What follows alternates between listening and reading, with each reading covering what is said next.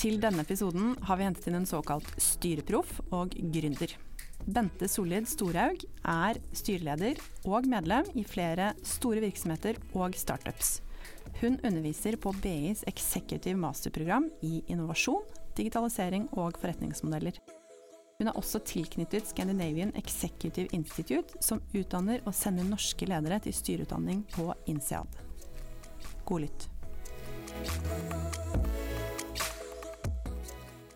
Velkommen, Bente. Tusen takk. Kan ikke du begynne med å fortelle litt om deg selv?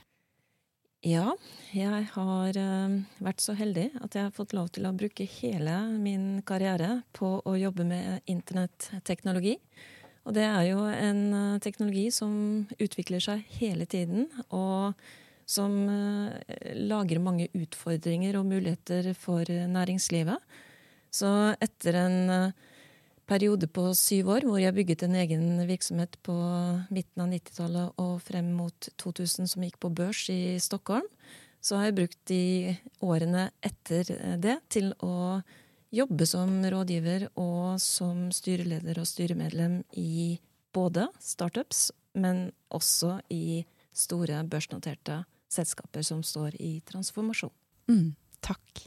Og eh, nettopp det her spennet som du er inne på, det er jo egentlig veldig interessant. Fordi eh, du nevner at du sitter i styret for både startups. Altså de står jo klare med vekststrategier og er kanskje gode på dette her med å eksperimentere. Og så på den andre siden har man store, tunge, etablerte selskaper. Og man hører jo bare på, på ordlyden jeg bruker. De står jo ofte midt i omstillinger eh, i, i en digital transformasjon. Hva tenker du disse typer selskapene har å lære av hverandre? Ja, det, det, er jo Jeg syns det er veldig uh, inspirerende og lærerikt å ha en fot i begge disse leirene. Fordi jeg kommer jo fra startups, som, uh, hvor jeg også en gang så alle de mulighetene som internett uh, bød på. og som grep de mulighetene. og det var jo ikke noe fasit på hvordan man skulle utvikle tidlige internettbedrifter og hvilke bedrifter som kom til å bli vinnerne. Men eh, hvis du ser muligheter, og hvis du tenker at eh, dette er et enormt skift som, som kommer til å forandre veldig mange strukturer og forretningsmodeller, og som åpner helt nye markeder, så, så, så er jo det som det er jo kjennetegnet på, på startups, at de, at de, ser muligheter der eh, de større, litt tyngre etablerte virksomhetene eh, kjenner at dette kommer til å rokke ved veldig mye av det vi driver med i dag. Men vi har nå tross alt den ballasten og den ryggsekken og all den legacy som på en måte ligger i, i store virksomheter. Sånn at det er ingen rask snuoperasjon for store virksomheter børsnoterte selskaper. Det, eh, digitale transformasjoner eller forretningsmodelltransformasjoner, det, det tar i hvert fall 10-15 år. Og, og, kanskje blir du, mest sannsynlig, blir du aldri ferdig med den type endringsarbeid som ligger foran bedriftene nå. Mm. Men eh, mange av disse små startupsene de ender jo ofte opp som litt større selskaper. Eh, og, og, sitter jo da kanskje i den klemma som mange av de store til stadighet kjenner på. Eh, og, og, når man først da blir stor, da uh, blir det jo disse kravene om kontroll og lønnsomhet. Og man kanskje egentlig egen suksess blir nesten en felle for, uh, for, for å lykkes med, med videre digital transformasjon. Hvordan skal man finne det balansepunktet, tenker du, mellom kontroll og kreativitet, eh, og flere andre ting, egentlig? Ja, det er jo en balanse. Altså, en startup uh, opererer jo i et marked med veldig høy usikkerhet i, i starten. Og det er uh, produkter og, og, det, det finnes ikke noe omsetning sant, i, i, starten i noen selskaper. Og produktene og alt er umodent. Eh, så det er mye prøving og feiling. Eh, men i startup-kulturene så er det på en måte ok å, å, feile, hvis du lærer raskt av eh, feilene dine. Det er mye testing der, mens i, kanskje i de børsnoterte selskapene sånn, så er det god kontroll og planlegging som, som, gjelder. Det gjelder å unngå feil. Børsnoterte selskaper blir straffet hardt hvis de feiler. Og de gjør grundige analyser i de store selskapene. Mens i startup-selskapene så er det, som du sier, mye eksperimentering. Det gjelder å forstå kundene. Eh, fordi all innovasjon skal på en måte løse et problem for, eh, for kundene.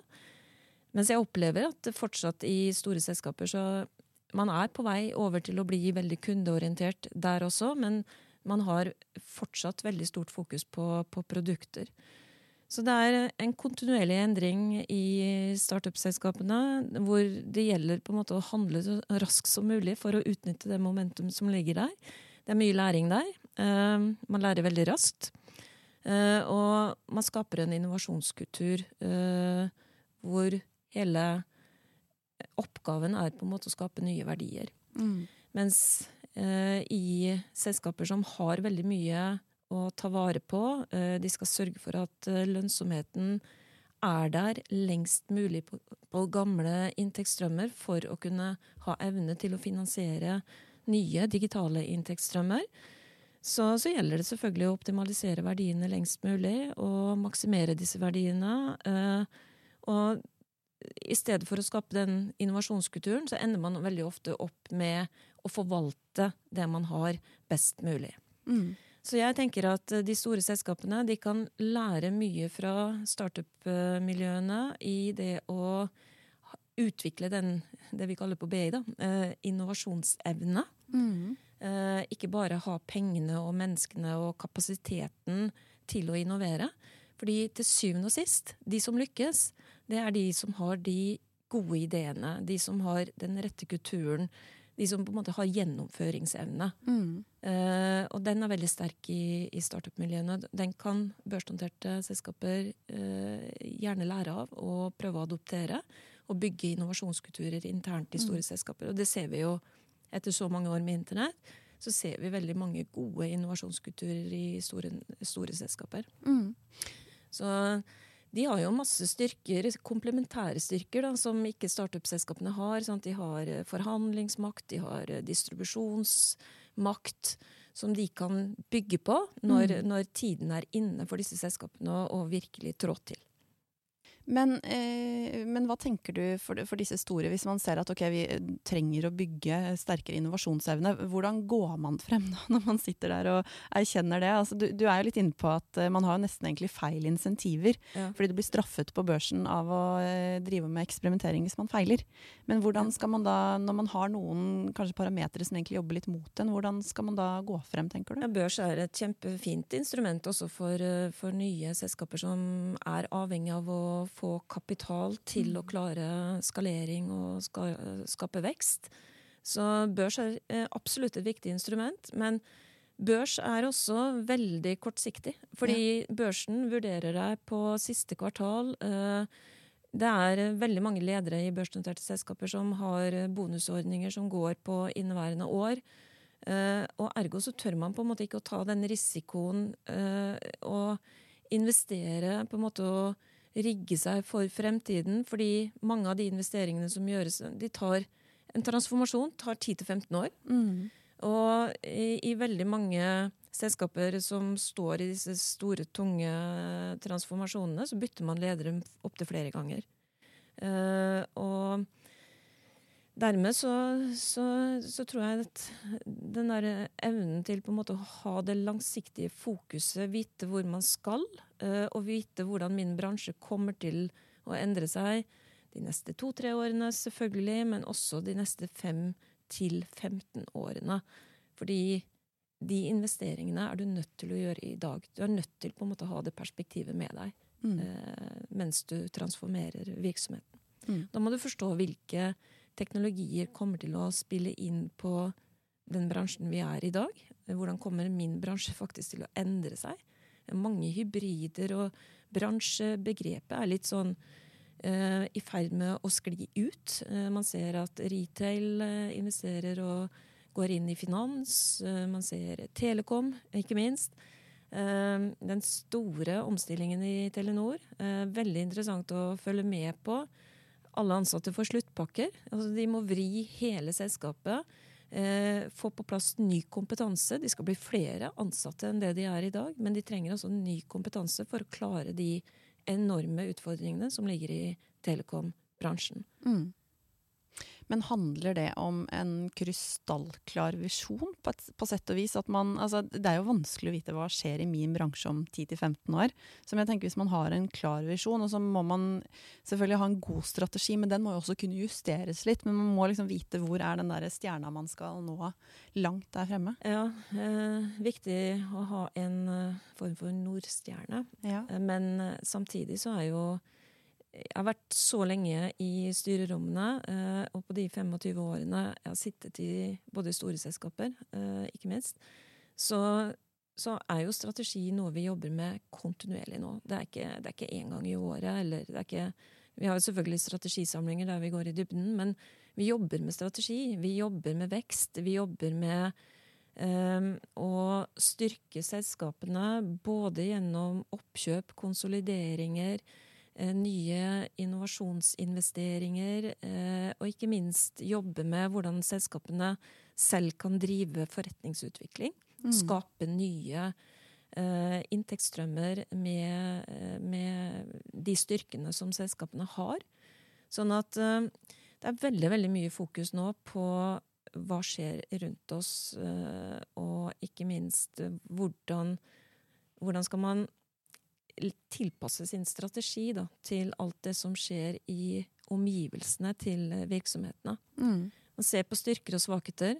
Uh, og, og, men det å, se liksom hva som skjer i omgivelsene, hva er det de nye aktørene, de som vokser, de som på en måte erobrer kundene, hva er det de gjør med, med, med sin verdikjede? Uh, og digitalisering er ganske brutalt. Det er å kutte alle unødvendige, fordyrende mellomledd. Det er å være mye mer transparent i, i egen uh, forretningsmodell og i verdikjeden sin. Uh, sånn at hvis du ser på selskaper som, som, virkelig går inn og shaker opp en bransje Se på hva Tibber har gjort med, med strømbransjen i Norge.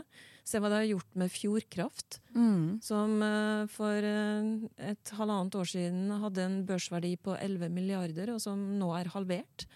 Og det er på en måte en når nye aktører kommer inn og gjør kundene sine smartere ved å tilby en app som gjør at du både sparer eh, penger, eh, du kan bruke innsikten til å være mer bærekraftig, redusere energien din fordi du har en mulighet til å agere på den innsikten som den lille appen eh, byr på, mm. så, så, så, er det nesten sånn at resten av den tradisjonelle strømbransjen de opplever at deres verdikjede den nærmest kollapser. Ja, for det er jo nesten sånn at noen kommer og napper teppet under beina på deg. Og, og, hvordan skal man, hvis man er Fjordkraft da, eller en annen stor aktør, hvordan skal man respondere på en sånn type endring? Er det, er det noen som da har sovet i timen, eller er det bare noen på et bakrom som har tenkt utrolig gode tanker som man rett og slett ikke har sett muligheten av selv? Jeg tror nye, helt nye krefter kommer inn, og så ser de seg rundt, og så tenker de hvilke bransjer er det som har sånn passe fornøyde kunder? Mm. Eller misfornøyde kunder? Eh, det er de bransjene man går på. De som, de som har vanskjøtta kundene sine over litt lengre tid. Og strømselskapene Den eneste relasjonen jeg hadde til mine strømselskaper eh, før Tiber kom, det var jo at jeg fikk en faktura med dem. Mm. Eh, og den fakturaen var egentlig full av masse stammespråk. Eh, uforståelig. Det var ikke noe jeg kunne gjøre med den fakturaen annet enn å betale den. Fordi forbruket var hadde, Det forbruket hadde jeg hatt. Og så kommer Tibber og gir meg en mulighet til å bygge et smart hjem. Eh, huben blir på en måte en viktig hub hvor jeg kan styre bil, hus. Uh, jeg kan, når prisene er høye, så kan jeg gjøre noe med mitt eget forbruk. Jeg kan se liksom, forbruket mitt i sanntid. Mm. Eh, og det er klart at når du da kommer med noe som gjør at strøm også blir gøyalt. Du er innom den appen kanskje daglig eh, for å lære. Hvordan... Ja, så det er daglig samtaleemne ved middagsbordet hos meg, var det i hvert fall i vinter. Altså, da var det en som satt og liksom i, i natt så koster strømmen så så mye, og da, da bør man sette på vaskemaskinen. Mm. Man har jo fått et helt annet forhold til det. Ja, og det, og det kunne man jo tenke. Hvorfor skjedde ikke den, disse tankene når vi fikk digitale strømmålere i hjemmene våre? Hvorfor var det ikke noen av de tradisjonelle aktørene som kom med dette? Det er sånn åpenbart at når du får en digital måler, og du kan på en måte importere de dataene, eh, presentere de, lage nye tjenester. For det er jo tjenesteinnovasjon Mm. det Tibber eh, driver med. Eh, Så på, én side så er jeg ikke så veldig overrasket over at det er nye aktører som ser de mulighetene. De har, en, de har ikke den tunge ryggsekken. De kan tenke helt nytt. De kan bygge opp dette på, fra scratch på best mulig måte i forhold til eh, de investeringene, teknologiene, som, eh, som er mulig å gjøre i dag. Mm. Men eh, når, når dette på en måte slår an hos kundene, så går dette skiftet veldig, veldig fort. Og så er det en del heldige omstendigheter rundt energipriskrise som har bidratt til at Tibber har virkelig fått en flying start eh, tidlig i sin eh, eh, tid. Og så ser vi nå at eh, nå er det jo de som kommer inn i markedet nå, de skal utfordre Tibber. De skal ikke utfordre Fjordkraft. Mm. Så, så på en måte fokus har endra seg fra den gamle måten å eh, ha interaksjon med oss kunder på, til, til eh, en ren digital forretningsmodell. Mm. Kjempespennende eksempel. og Jeg tenker Når du snakker, Bente, så i, enten man er den startupen som kommer inn og, og endrer bransjen totalt, eller man er en eh, eh, større, mer etablert aktør som også kanskje jobber med digital transformasjon og kanskje med lykkes i stor grad med det, så handler det jo kanskje også i stor grad både om kultur eh, og det å egentlig ha, ha riktig folk og kompetanse. Det er mange ting eh, av de litt mykere verdiene som også spiller inn. Kan du si litt eh, Ja, du, du som sitter i mange styrer og følger tett med selskaper som, som gjør disse tingene bra. Hva, er det noen sånne felles kulturkomponenter du ser de har? Um, det jeg ser, det er at de som har gode folk Ikke nødvendigvis de beste, men de som har gode folk. De som på en måte kan utvikle eh, folka sine eh, og bygger en kultur for at det er lov til å tenke eh, og jobbe med innovasjon eh, på en fri måte. Eh, for innovasjon trenger litt sånn luft rundt seg hvis det skal eh, kunne fly. Eh, og så har jeg vært veldig interessert i liksom, hvilke tradisjonelle selskaper er det som lykkes med sine transformasjoner. Og det, det har vært forsket noe på det. Eh, det var en studie for ganske kort tid siden eh, i, som ble presentert i, i Harvard, som, som viser at eh, da hadde man en undersøkelse hvor man så på 128 selskaper. Og det skremmende er at det var under en tredjedel av disse selskapene som, som lyktes med sin digitale transformasjon. Eh, både finansielt og omdømmemessig. Og når man da gikk inn og så på hva er det som kjennetegner disse 28 prosentene som har lykkes godt, eh, av alle de attributtene som de så på, så var det faktisk seks attributter her som skilte seg ut. Eh, og det var at eh, disse selskapene som klarer den digitale transformasjonen, de betaler medarbeiderne sine godt. De har eh, muligheter for at medarbeiderne kan ta eierskap i bedriften gjennom aksjer, eh, opsjoner, sånn at man føler at man eh, bygger og utvikler egne verdier også. Og så er det høy medarbeidertilfredshet. Altså hvis du jobber med Jeg vet studenter som skal ut i arbeidslivet, de vil gjerne jobbe med bedrifter som har spennende utfordringer. Trenger ikke å være lønnsledende, men du du, du, står i starten av en karriere. Du er avhengig av å jobbe med bedrifter som vil noe, og som, ja, som, som byr på krevende oppgaver. Så høy medarbeidertilfredshet. Eh, samtidig så, og ikke overraskende, for det har vi jobbet med i styrene i mange, mange år allerede, mangfold.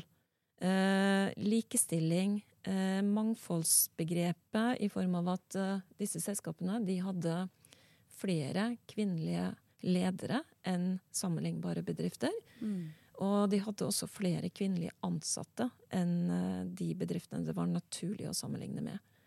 Eh, og det styrker jo bare det jeg ser også på Når vi får større mangfold i både styrerommet og i konsernledelser, så, så blir også virksomhetene De endrer seg, og de blir bedre Mm. eh, for alle. Og det er jo veldig interessant, for da viser, viser jo også forskningen at uh, dette her med, med likestilling og, og, mangfold, det er ikke lenger bare sånn uh, som man må ha fordi det ser pent ut på hjemmesiden og det skal stå i årsrapporten at vi jobber med det, men det er faktisk lønnsomt også. Ja. Uh, hvis vi bare setter like folk med lik bakgrunn og ja, like erfaringer i samme rom, så skjer det kanskje litt lite innovasjon. Nei, Hvis du kloner deg sjøl, så, så, blir du ikke noe mer enn deg selv. Ja. Uh, så du du er, nødt til på en måte å, å hente altså, De beste selskapene er der hvor det er lov å diskutere, og der det kan gå en kule varmt i, i perioder. Uh, fordi alle altså, Min erfaring er i hvert fall at hvis du har stått i situasjoner som på en måte har blitt vendepunkter, da, Mm. Så, så, er det to måter å komme videre på. Det er å egentlig ikke klare eh, den utfordringen du møter på, eller så kommer du gjennom og kommer mye sterkere ut eh, mm. på, på, andre siden. Mm. Så da handler det kanskje litt om altså, trygg, eh, psykologisk trygghet i kulturen. Eh, mm. Men handler det også litt om å altså, Jeg tenker Man må jo satse litt på folka. Du var jo litt inne på dette med at man må ha rom for å innovere. Så jeg tenker man må jo også eh, ja, for, altså, Det handler jo litt om kultur og det med å få fritt spillerom og faktisk satse litt kanskje på de folka du har i virksomheten òg. Jeg er et tilhenger av uh, livslang læring. Det er ja. derfor jeg underviser. Uh, liker å undervise. Uh, møte studenter, voksne studenter fra næringslivet som tenker at i en alder av 45-50 så skal jeg ta en executive master. Altså Jeg er så full av beundring av folk som mm. orker det ved siden av full jobb. og holder også mye foredrag. litt for at det presser meg selv til å holde meg oppdatert. Mm. Eh, men ikke minst eh, eh, Jeg har en målsetning at jeg i hvert fall skal ta ett executive-program selv i året. Oi. og da tar jeg det Jeg har tatt det på BI, jeg har tatt flere på INSEAD, MIT. Tok et program nå på Harvard. strategisk bærekraft-program. Uh, minst ett i året. Noen mm. ganger blir det to. Uh, men det er litt om uh, Vil du på en måte formidle til andre at livslang læring det har kommet for å bli? utdanning er noe du tar hele livet. Mm. Og hvis du skal være attraktiv i arbeidsmarkedet, så er du nødt til på en måte å investere i din egen kompetanse. Mm. Jeg har vært så mye selvstendig opp gjennom årene at jeg har tatt det ansvaret selv. Men mange har arbeidsgivere som tar ansvar og utvikler medarbeiderne sine. Veldig, veldig flott. Men jeg tenker at det er et ansvar som også ligger på hver og en av oss. Mm. Å sørge for at uh, den kompetansen man har, den, den, er attraktiv i dag, men den er ikke nødvendigvis attraktiv om fem til ti år. Mm. Så du er nødt til uh, å, å ta til deg kunnskap. Uh, og det kan du gjøre på mange mm. forskjellige måter. Lese. Du kan gjøre det gjennom organisert Eh, programmer. Men eh, sørg for å være nysgjerrig, og sørg for å beholde ønsket om å stå i det og, mm. og være verdifull som arbeidstaker. Mm. Ja, og det tenker jeg jo kanskje eh, egentlig veldig fin sånn avslutning. For det er jo eh, ut fra alle de temaene vi har nå har vært inne på, eh, så illustrerer det egentlig på en veldig god måte at vi kan ikke lenger tro at uh, utdanning er noe vi tar i begynnelsen av 20-årene, og så skal vi jobbe i flere tiår uten å fornye den kunnskapen utover eh, altså praktisk læring. Altså man må aktivt jobbe for å holde seg oppdatert og utvikle kompetansen sin. Ja, Det er det jeg sier til barna mine nå, som er på vei inn i høyere utdanning, én eh, eh, etter én, at dette er på en måte begynnelsen. Kanskje jobber du noen år etter en bachelor, og så tar du en master. Mm. Men denne kombinasjonen, være tett på næringslivet, være i stand til på en måte å møte de behovene som ligger i næringslivet, det er det jeg bruker mye tid på å snakke med barna mine om. Mm. Uh, og de, de, skal inn i krevende beslutninger nå om hvilken utdanning de uh, bør ta, har lyst til å ta. Uh, hva som er riktig sånn i forhold til det som kommer mm. videre fremover. Hva er, det, hva er viktig kompetanse å, å ha? Spennende, spennende, valg å stå midt oppi. Men hvis du skal eh, oppsummere med å komme med noen råd til de som hører på, hvilke råd vil du gi for at man skal rigge seg for digital transformasjon? Eh, prøv å forstå hva som ligger foran oss, foran, deg og foran den virksomheten du jobber i. Eh, prøv å forstå hvordan du selv kan være en viktig bidragsyter i det arbeidet. Eh, bedrifter har eh, mange typer ansatte. De har eh, alt fra entusiaster til bakspillere. Sant? Det, det finnes i alle virksomheter. Prøv å være en som bretter opp armene og sier at dette er spennende. Jeg ser eh, muligheter før jeg ser eh, trusler. Eh, fordi det er de som ser muligheter, det er de som vinner. Mm. De som graver seg ned og tenker at dette blir så voldsomt at man blir sittende nesten helt apatisk uten evne til å foreta seg det man faktisk ser komme, men man blir sittende egentlig bare og betrakte det, og betrakte det altfor lenge. Mm. Slik at uh, utviklingen får gå for langt. Uh, det handler om å tilpasse seg veldig, veldig raskt uh, og forstå hvor i min verdikjede må jeg også gjøre tilpasninger. Og så må man sørge for at man er lønnsom mens mm. man omstiller seg, fordi det er helt avgjørende for store virksomheter å beholde lønnsomheten lengst mulig på de inntektsstrømmene de har i dag, slik at de mm. kan finansiere den nye fremtiden. Tusen takk for gode råd, og tusen takk for at du kom. Tusen takk for at jeg fikk komme. Og til deg som hører på, vi prates. Hvis du har temaer eller spørsmål du ønsker vi skal diskutere, send oss gjerne en mail på hårpratatvisma.com. Og for flere episoder, sjekk ut visma.no slash podkast slash hårprat.